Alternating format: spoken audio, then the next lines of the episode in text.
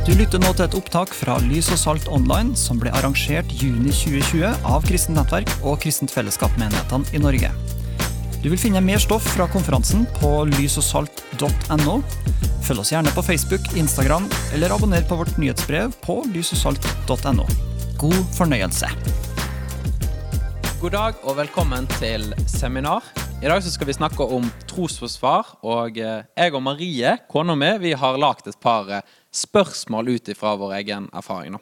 Vi skal snakke om ting som Guds eksistens, det ondes problem og litt forskjellig. Så det er utrolig viktig, eller hva? Ja, det er det, og det er jo ikke alltid så lett å svare på heller. Så derfor har vi med oss en gjest i studio. Arne Olav Rød, velkommen. Takk for det. Har du lyst til å si litt om deg selv? Det kan jeg godt gjøre. Jeg heter Arne Olav Rød. Jeg bor i Trondheim. Og så jobber jeg som daglig leder i Kristent Nettverk. Og så er jeg redaktør for et nettsted som heter sennep.nett. Og så bruker jeg å undervise om apologetikk på Bergen bibelskole. Det har jeg gjort i to år nå. Og da har vi jo to dager til å bore i de virkelige vanskelige spørsmålene eh, i livet. Ja, jeg og Kristoffer gikk jo Bergen bibelskole i fjor, så eh, da var vi på de dagene. Det var gøy. Så, men vi lurer på trosforsvar og apologetikk. Hvorfor er det egentlig noe vi trenger å prate om? Hva, vil du si litt om det? Jeg kan prøve å holde meg litt kort. da. Eh, Apologetikk har vært en del av kristendommen i 2000 år, men har vel fått en litt sånn renessanse de siste årene. Jeg tror det handler mye om at samfunnet har forandra seg, og klimaet vi kristne møter. Vi eh, slipper ikke unna med billige forklaringer på, på, på ting, men at vi, vi må kunne argumentere for det vi står for, i en kultur som eh, har mindre og mindre kjennskap til Bibelen og kristen eh, tro og tanke. Da. Men du, Arne Olav. Et vanlig spørsmål som mange sliter med, det er dette her med at eh, vi kan jo ikke se Gud. Så hvordan vet vi da at han finnes? Ja, vi, vi får starte med de enkle spørsmålene. Eh, Det er jo et uh, utrolig stort spørsmål. Folk jobber jo med det hele livet. Uh, og det yter jo egentlig ikke spørsmålet rettferdighet å prøve å snakke om det i noen minutter. Da. Men uh, jeg tror det er lurt å starte, med, starte samtalen med at vi har litt forskjellig utgangspunkt når vi snakker om hvem Gud er. Eh, Sjøl har jeg vokst opp i et kristent hjem, eh, lært eh, å tro på Gud av foreldrene mine. Og, og har jo fått høre historiene fra Bibelen helt fra, fra jeg var liten. Eh, mens andre har jo en helt annen oppvekst og får dermed helt andre forutsetninger for å tenke rundt hvem er Gud. Jeg husker jeg snakka med en eh, bekjent av meg for noen år siden. og Han, eh, når vi kom inn på dette med Gud, så sa han ja, ja hva er Gud? sa han. Sånn, Hva er Gud? Og bare det å stille et sånn type spørsmål det vil jo jeg reagere på, for jeg vil jo si hvem er Gud? Så det bare illustrerer at uh, vi tenker litt ulikt rundt de tingene der. da. Så, um, så jeg tenker at vi må som regel starte med å finne ut hvilken gud vi, vi tror på, eller eventuelt vi ikke tror på. Og uh, hvis en da møter noen som sier at eh, syns det er vanskelig å tro på Gud, så er det jo egentlig et godt oppføringsspørsmål. Ja, fortell meg litt om den guden du ikke tror på. Og når da vedkommende får lov til å fortelle om det, så kanskje finne ut underveis i samtalen at hm, den guden her tror egentlig ikke jeg heller på som kristen. Og da har du egentlig en veldig fin anledning til å få en god samtale om hvem eh, den gud du kjenner som kristen da, egentlig er. Ja, Det er jo sikkert mange som kan ha litt ulike oppfatninger av hvem er egentlig Gud. Og situasjoner kan jo påvirke også hvordan man, eller hvordan man ser på Gud. da. Så ja. Et sånn interessant lite eksempel, da, bare for å akkurat det med forestillinga av Gud. Eh, han eh, første, Førstemann i verdensrommet han heter altså Juri Gagarin. Jeg vet ikke om dere har hørt det navnet på skolen en gang? Men eh, han har i hvert fall sitert på at når han eh, reiste rundt i verdensrommet, så, og når han kom tilbake til Sovjetunionen, så sa han at eh, han så ikke Gud ut i, i verdensrommet. I hvert fall er han sitert på det. da. Eh, de diskuterer om han egentlig sa det. Men, vi som kristne vil jo tenke at du hadde jo ikke kommet til å sett Gud ute her uansett. For du har feil forestilling av hvem Gud er. Eh, og det illustrerer nok litt, litt av utfordringa, tror jeg. At hvis Gud blir en veldig sånn liten, avgrensa figur, så er det mye lettere å avvise noe.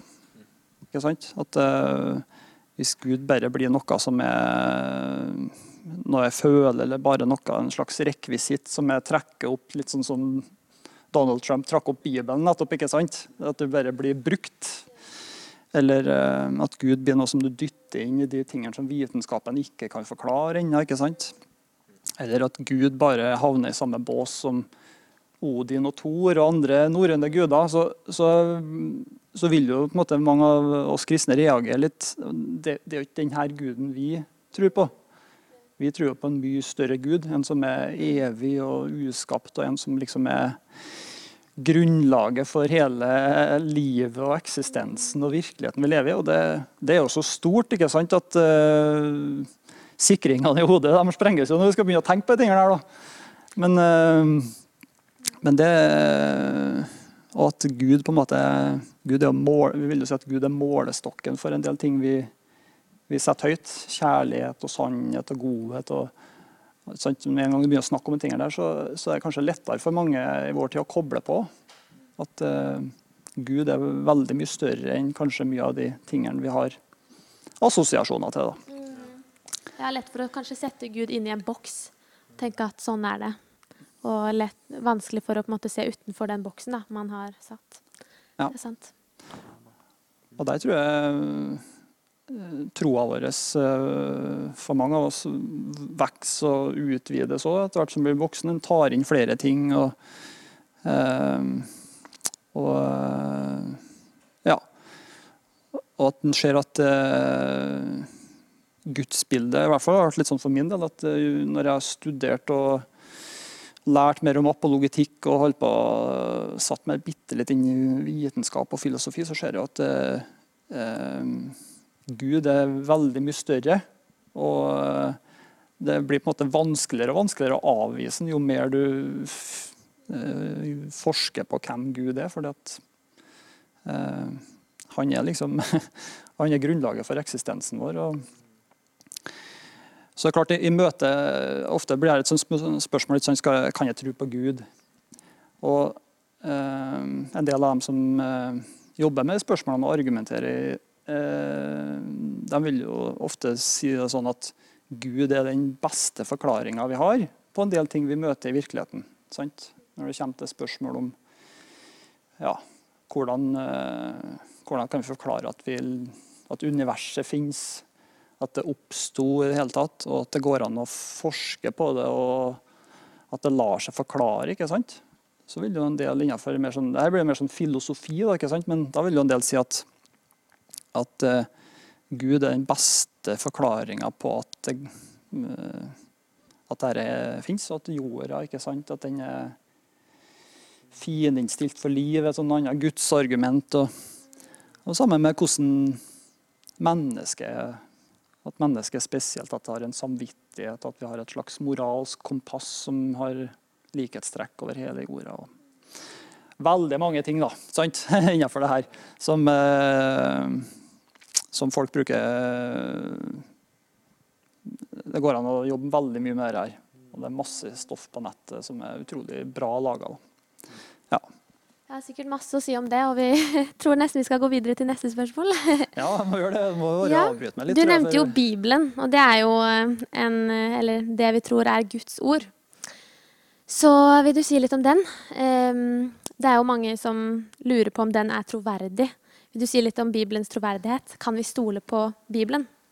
Mm. Ja, det er jo et annet veldig stort spørsmål.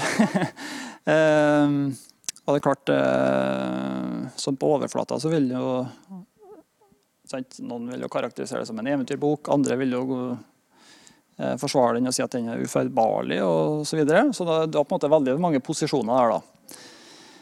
Um, så jeg vil jo starte med å si at må, først må du i hvert fall forstå litt hvilken type eh, bok Bibelen er.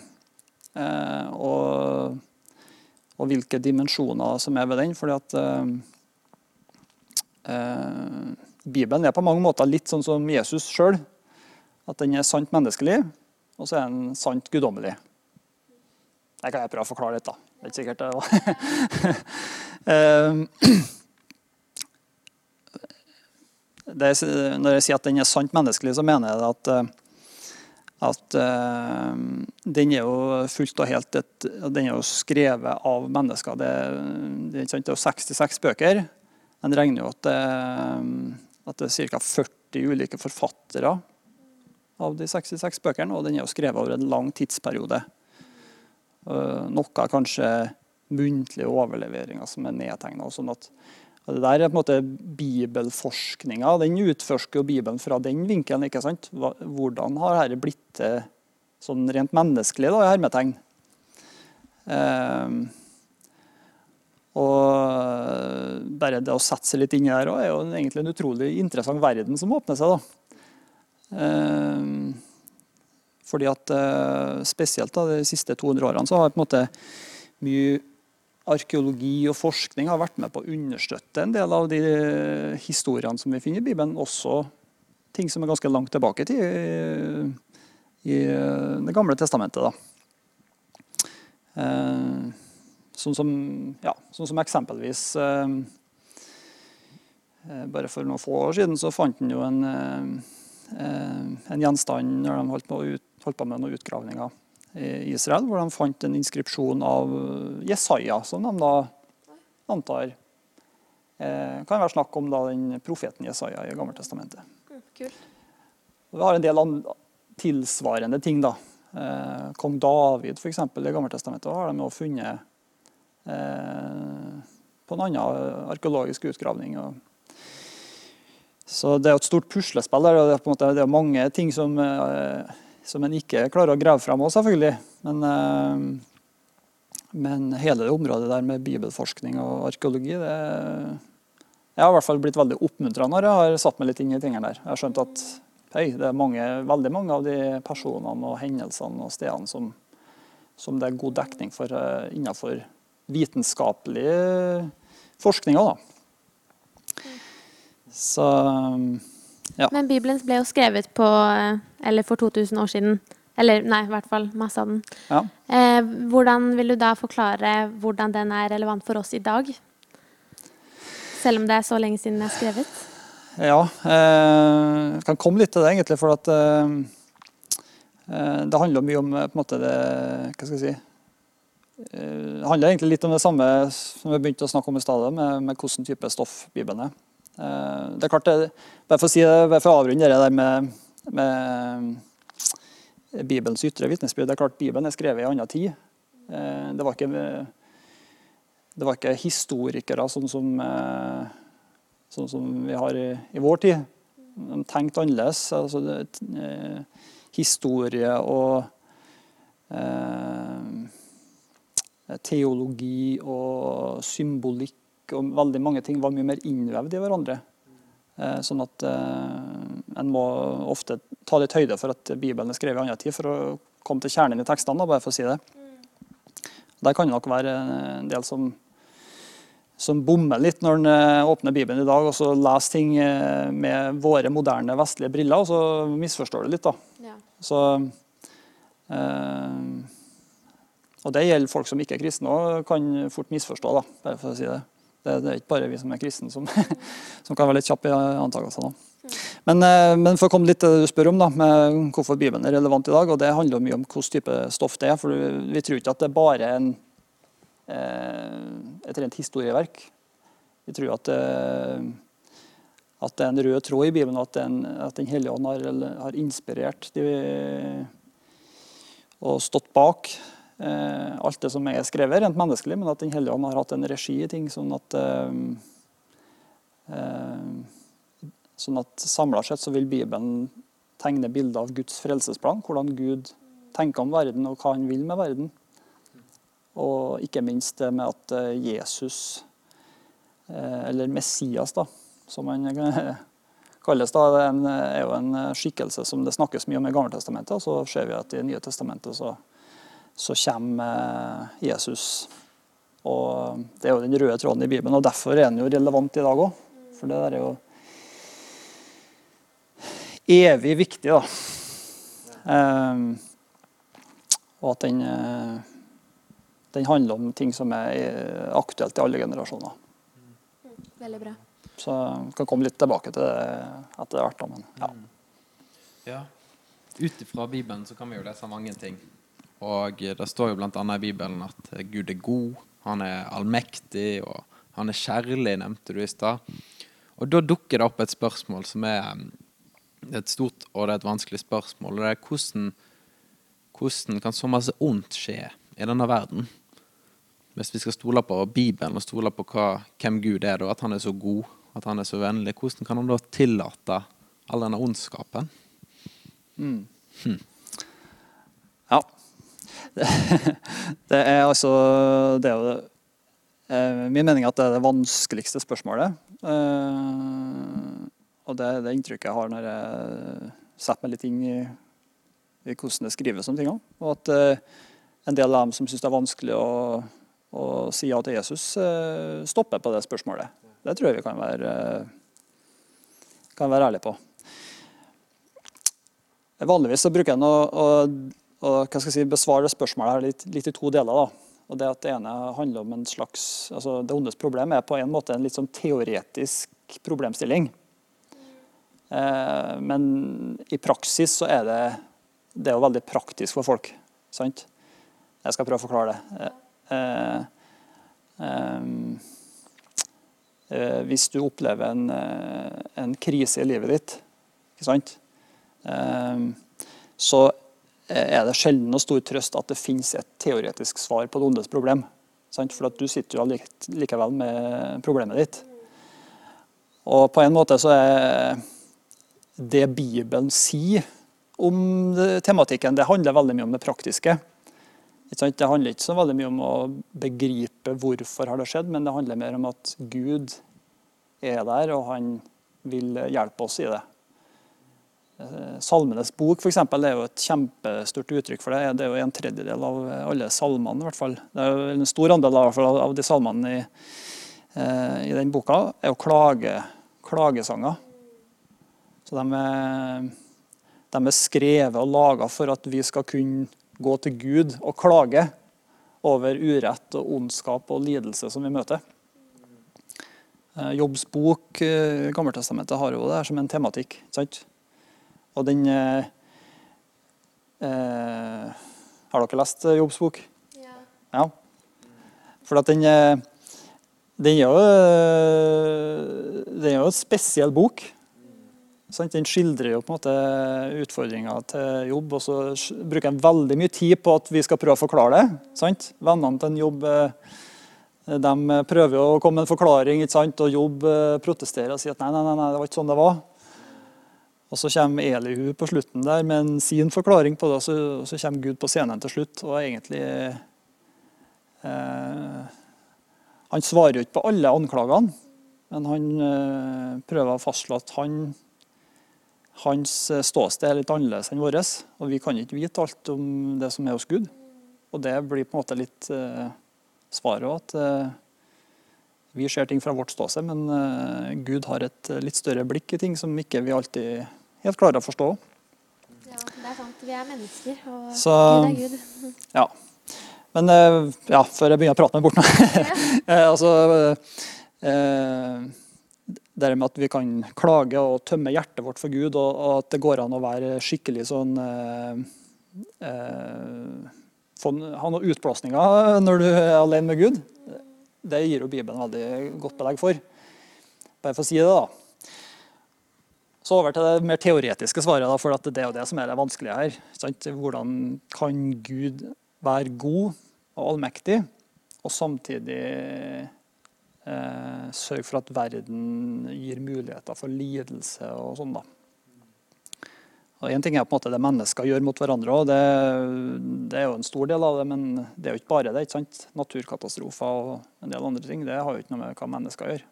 Så det svarer på en måte ikke på hele spørsmålet heller. Du kommer ikke unna at uh, spørsmålet er der. Så uh, det her skrives jo lange avhandlinger om. Altså, I korte trekk da, I korte trekk så, er, så, er det, så handler det om at uh, hva slags verden kunne Gud skapt? For Gud har, har jo skapt en verden hvor vi er selvstendige, og hvor vi erfarer at ting er, er underlagt naturlover og lovmessigheter. Samtidig så har vi en fri vilje. Eh, så Gud, Gud, eh, Gud har skapt en verden hvor vi har selvstendighet, hvor eh, dårlige valg rammer andre, og hvor vi kan erfare ting som, eh, som oppleves både uforståelig og urett. Eh, men eh, Og det er på en måte Det er jo litt så langt en kommer i resonnementet, egentlig. Eh, skal jeg må kikke litt i notatene mine om det var noen andre gode poeng jeg hadde på dette.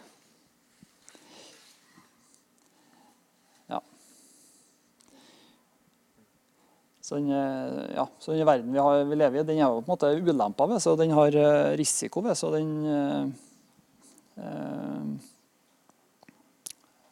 Så det, det er på en måte litt, litt sånn det er. Og så skjer, som sagt, Bibelen legger veldig stor vekt på, at, eh, på det å bekjempe urett, bekjempe lidelse, og at eh, Jeg tror det Jeg lurer på om det var C.S. Lewis, jeg, kan jeg huske feil, men jeg tror det var C.S. Lewis som sa at kristendommen er, den kjempende religionen. På den måten at vi, vi er plassert i verden for å være med og gjøre verden til det stedet Gud vil ha den. Og han vil ha oss med på laget i de tingene der. Og det er på en måte en vei videre i, i den verden vi har. At OK, ting er som det er. La oss se hva vi kan gjøre for å rette opp skjevheter og for å eh, støtte mennesker som eh, opplever kriser. Ja, det er jo absolutt ikke holdt jeg på å si, lovet et perfekt liv. Det, er jo, det står jo mye om det i Bibelen, og Paulus også, som prater om lidelser og ja. Nei, men det er et godt svar. Det svarer jo ikke på alt, og dette er jo et stort spørsmål, men eh, vi kan likevel trekke fram det at vi har fri vilje, og eh, vi har en større Gud enn oss sjøl. Og det, er- Ja. det er godt å vite og, Ja. i spørsmålet rundt store ting. Ja, vi Og vet det- ikke alt. Det er klart, eh, ja, det, det er vanskelig å levere et fullgodt svar som eh, løser alle spørsmål. Eh, og så kan jeg tenke på hva er alternativet? Eh, fordi at eh, vi omgjør oss med andre livssyn som, som på en måte leverer enda dårligere svar på hvor, hvor skal vi finne mening hen i livet Mm, når det er, ikke er perfekt og friksjonsfritt. mm. Så det Så det går an liksom å snu litt på den òg, da. Nei, men vi får gå videre til neste. Det var flere spørsmål, ja? ja. Klar for å bli ok, grilla enda mer. Nei, men et um, spørsmål jeg har fått noen ganger, da, Mm. når jeg er i samtale med ja, både kristne og ikke-kristne, så er det jo mange som lurer på det her med Ja, det er jo mange andre religioner òg. Hvordan kan man si at på en måte kristendommen er den riktige religionen, da, i hermetegn? Mm. Eh, hvordan kan man da Ja, hvordan, hvordan er best mulig måte å svare på et sånt spørsmål? Eller har du noen tanker? Eh, ja, det, det var stor, et stort spørsmål. da. Ja. Det er klart, eh, Spørsmålet oppstår jo litt fordi at eh, eh,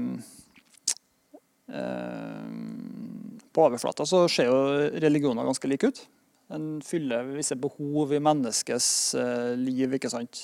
Det gir mening, det avklarer liksom moral og hvor vi kommer fra, hvor vi skal hen, og det er fellesskap og det er ritual. og sånn På overflata så virker alle religioner er bra. ikke sant? Um, så jeg har egentlig lyst til å, å låne litt av um, en apologet som nettopp er død, som heter Ravi Zakarias. Han, han svarer veldig godt på akkurat det spørsmålet her. Uh, hans uh, synspunkt er jo at eh, religioner i bunn og grunn egentlig er ganske forskjellige. Men at eh, på overflata kan de være like, men at eh, når de borer litt ned dem, så er ikke de så like allikevel. Um, og hans poeng er at uh, du kan ikke liksom bare koke dette ned til ett argument, men at det handler om en serie med argumenter og en serie med, med forskjellige synspunkter på livet. Uh, som, som du må bruke da, for å vurdere hvorfor er kristendommen sann og alle andre. For alle, alle religioner krever jo eksklusivitet, på en måte. De aller fleste, i hvert fall. da. De store han gjør det. Um, så han sier at uh, for å vurdere det her, så må du jobbe med fire spørsmål. og Det handler om uh, opphavet vårt, det handler om meninga med livet, det handler om eh, moral, og det handler om hva er hensikten med livet. Som er spørsmål som alle, alle religioner vil svare på. Og så må du vurdere dem ut fra henge dem sammen logisk. Eh, har det bakgrunn i fakta og fungerer det i praksis osv. Det er liksom det store bildet. Så hvis vi skal lande litt, så vil jo hans poeng og mitt poeng og forhåpentligvis alle kristne sitt poeng er at det er Jesus som utgjør forskjellen. Fordi at eh, eh, eh, I hvert fall sånn som jeg leser Jesus, han, ikke, han kom ikke for å måtte stille seg i rekken av religionsstiftere og være en av eh, mange i mengden. Men Jesus han kom for hele menneskeheten. Han, eh, og han, han har et budskap til alle mennesker, litt uavhengig av hvilken kulturell og religiøs bakgrunn de har.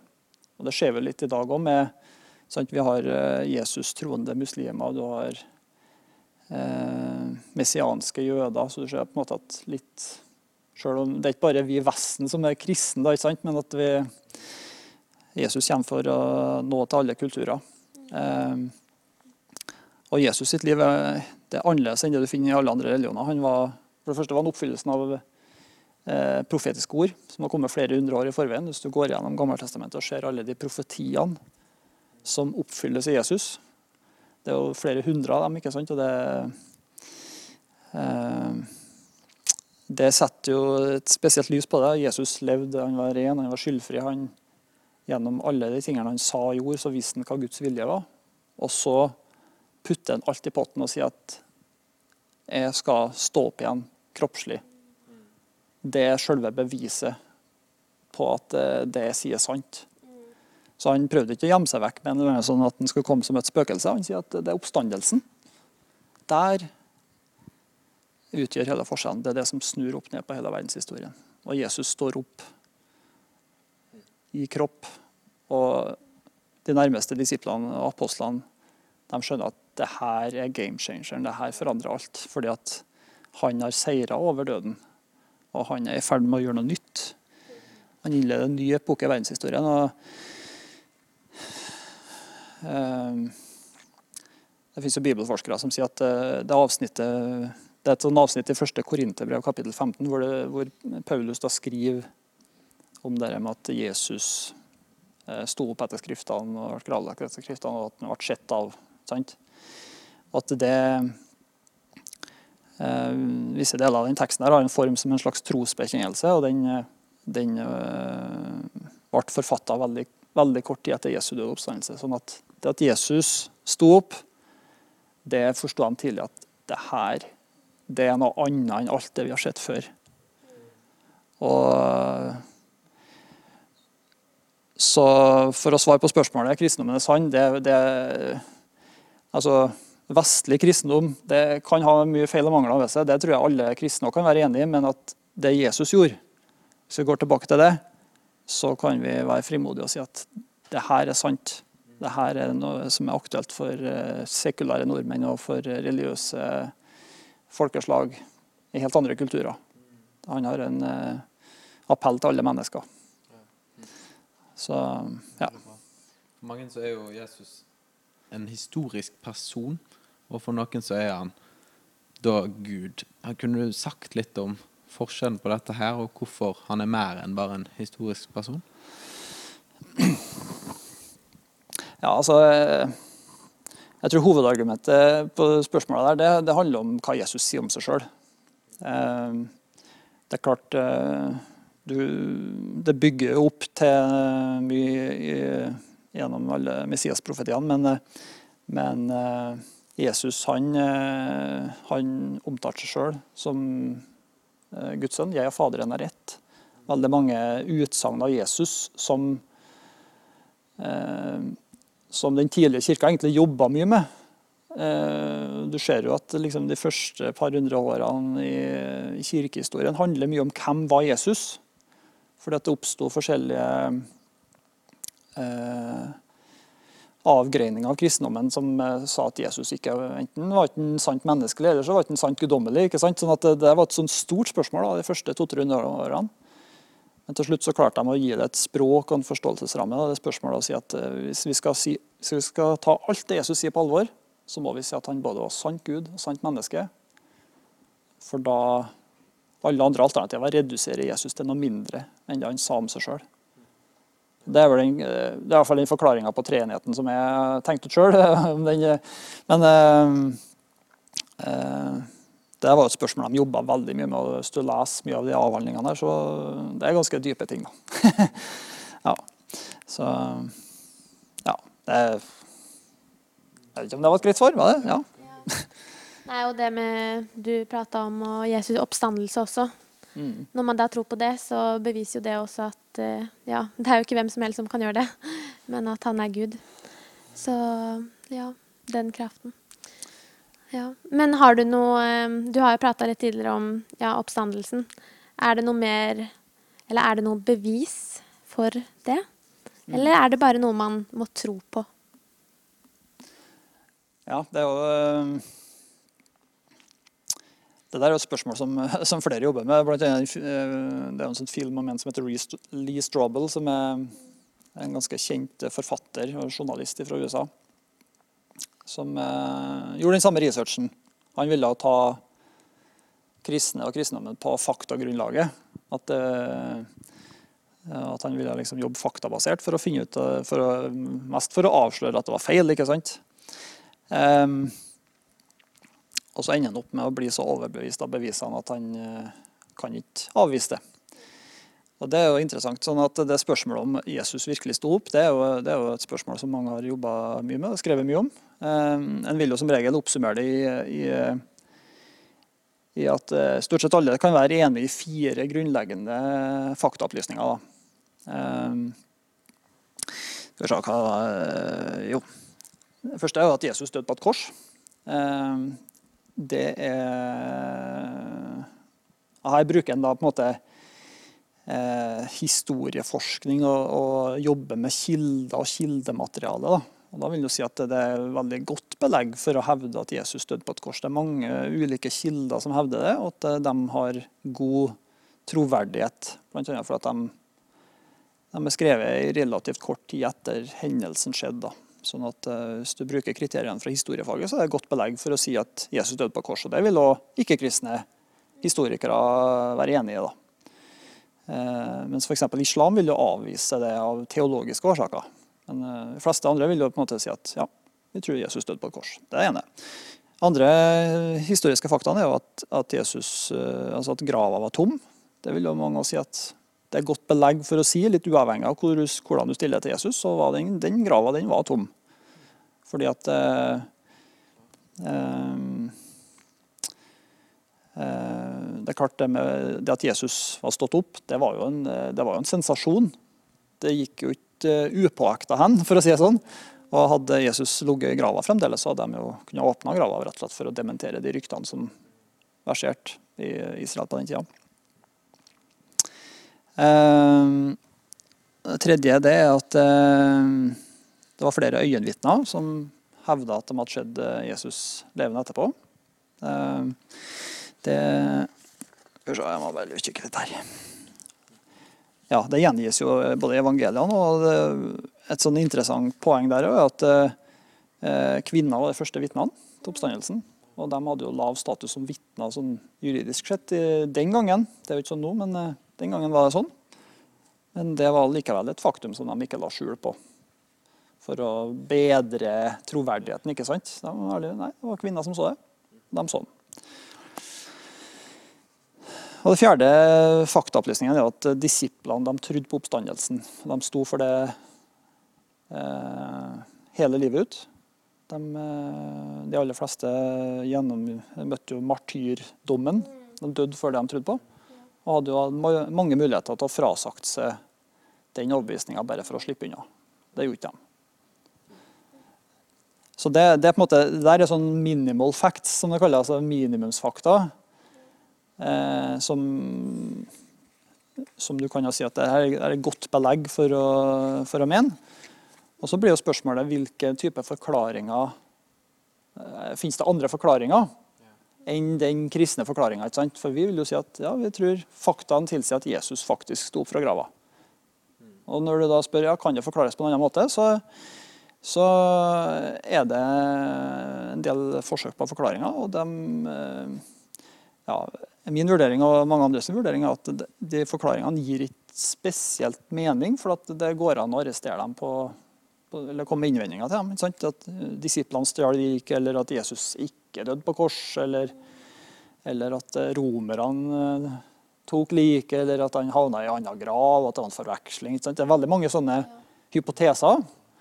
Um, mest vanlig er vel kanskje det med gruppehallusinasjon. At, at, um, at uh, når det står i første Korinterbrev at det var 500 som så Jesus på én gang, så var det, var det en slags sånn hallusinasjon som skjedde med alle sammen samtidig. Men uh, det, det, er egentlig ikke veldig troverdig at 500 stykker skal hallusinere samtidig. Ja. Så det er, det er litt sånne linjer da, i svaret. At, eh, men jeg vil jo anbefale alle som lurer på det her, å, å studere det sjøl. Gå inn i materiet. Det, det ligger åpent. Eh, sånn sett er jo kristendommen eh, ganske grei eh, på en måte at du, du kan gå til faktagrunnlaget sjøl. Studere det. Gjøre det opp en mening. Og så får vi se. Utrolig gode svar, altså. Ja, Ja. Jeg er jo ikke noen ekspert på alt det der, men jeg syns det er interessant. Og, og det er liksom Jo mer en borer i det, jo mer interessant blir det jo. mm, ja, men takk for oppfordring. Jeg tror vi skal gå videre til et eh, spørsmål som jeg har gleda meg veldig masse til. Um, Jesus han døde jo for oss og sto opp igjen. og det er jo sånn at Hvis du tror på dette, så kan du komme til himmelen og, og være sammen med Gud. Og dette er jo mange kristne veldig ivrige til å fortelle, inkludert meg sjøl. Jeg ønsker å formidle dette til andre. og Når jeg har fortalt dette, her, så har jeg av og til fått et spørsmål. Og da lyder det litt sånn som dette her. Hvis jeg ikke tror på det du sier til meg, kommer jeg da til helvete? Så har du lyst til å svare på dette? Eh, ja, det er jo et veldig ekkelt spørsmål. Eh, du blir jo litt sånn eh, satt fast. Og det er jo og litt på grunn av at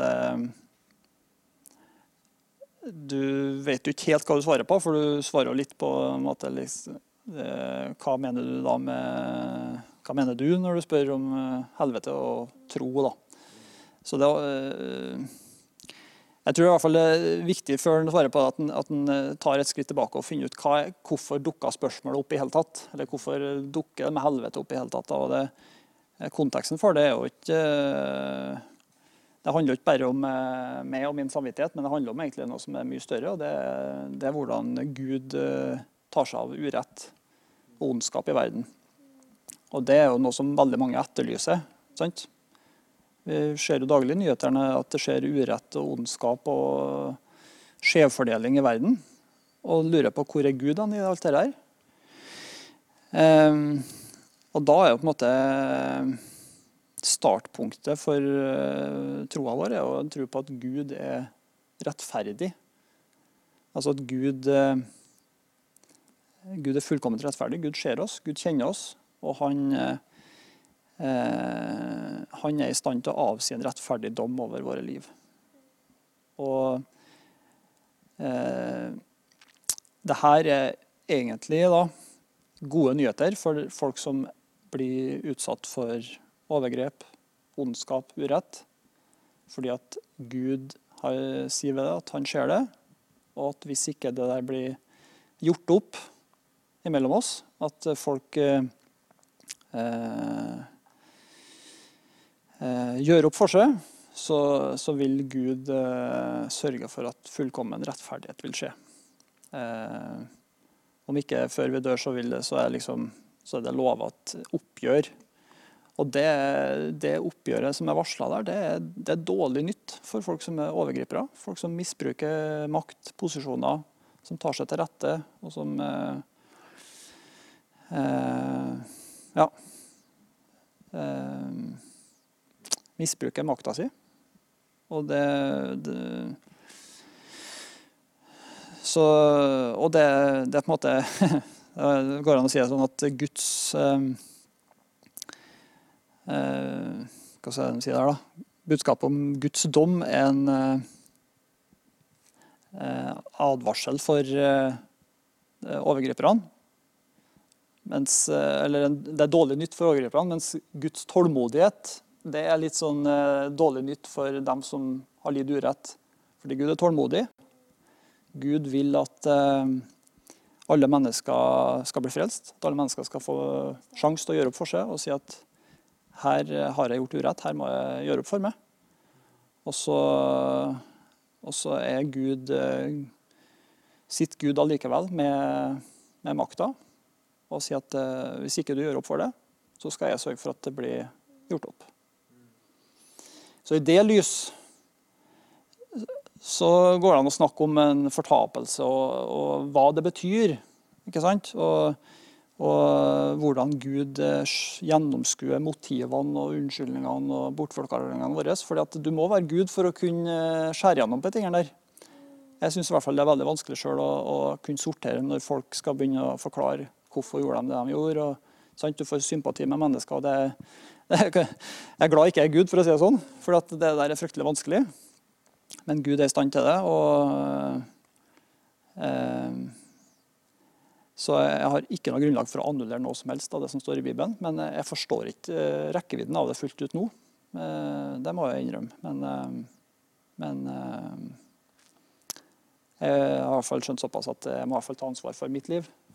Og sørge for at jeg, jeg, i den grad jeg gjør meg skyldig i ting som jeg gjør, så må jeg rydde opp for meg, fordi at jeg vet at Gud er dommer i mitt liv òg. Behandler ikke meg noe annerledes enn alle andre. Ja, vi har jo alle et valg. Vi har det. Så, og så er det ja. godt å vite at vi får tilgivelse. Ja, det er veldig viktig å understreke det. For mm. det er ingen Når vi skal forfølge hvordan vi lever og hvordan vi gjør, så, så er det ingen, egentlig ingen av oss som kommer ut med veldig gode kort på hånda. Så det at Gud møter oss med nåde og tilgivelse og en sjanse til å, til å ta imot frelse, det er jo, det er jo fantastisk. Mm. ja. ja, det er sant. Nei, vi får vel gå eh, Jeg tror ikke vi rekker så mange spørsmål, men kanskje du kan svare eh, litt kort på det siste. Det henger jo litt sammen, da. Men det er det jeg har av og til fått spørsmål om. OK, ja, det finnes kanskje en gud, men hvorfor, hva har det med meg å gjøre? Hvorfor trenger jeg egentlig å gjøre, trenger jeg å gjøre noe med det? Eller trenger jeg bare vite at det finnes en gud? Mm. Ja. Eh, Bibelen leverer jo en, jeg kaller det en stor fortelling.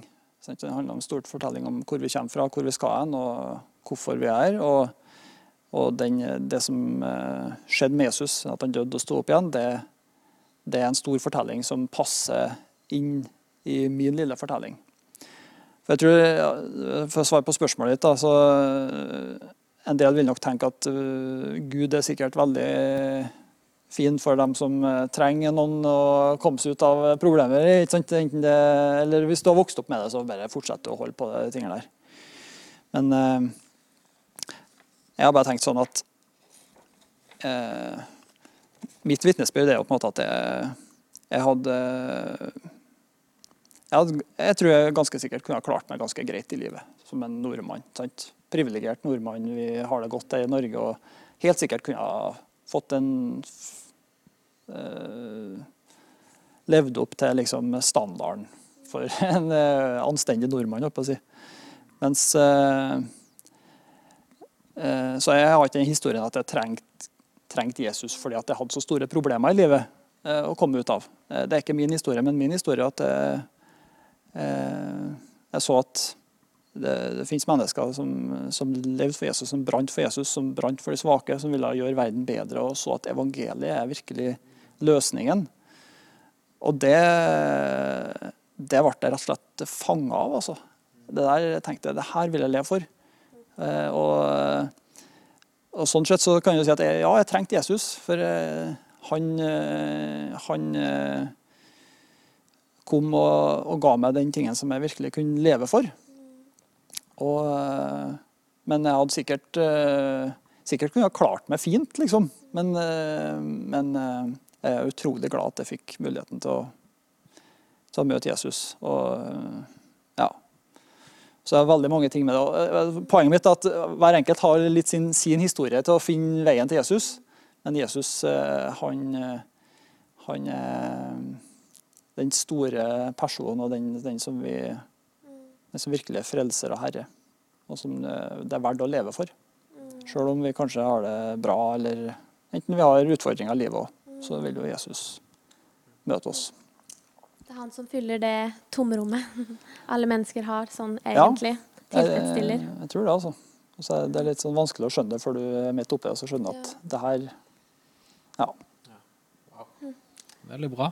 Det er mange gode svar på mange vanskelige spørsmål, vil jeg si. altså, jeg, sitter her og føler at jeg har svart kjempegodt på alt, men Mm. jeg har gjort et forsøk, og det er klart Alle spørsmålene som har blitt stilt i dag, det finnes det utrolig mye eh, veldig oppegående folk som evner å kommunisere ting godt. og det, så det Jeg føler jeg bare, jeg bare surfa litt i overflata på en del ting.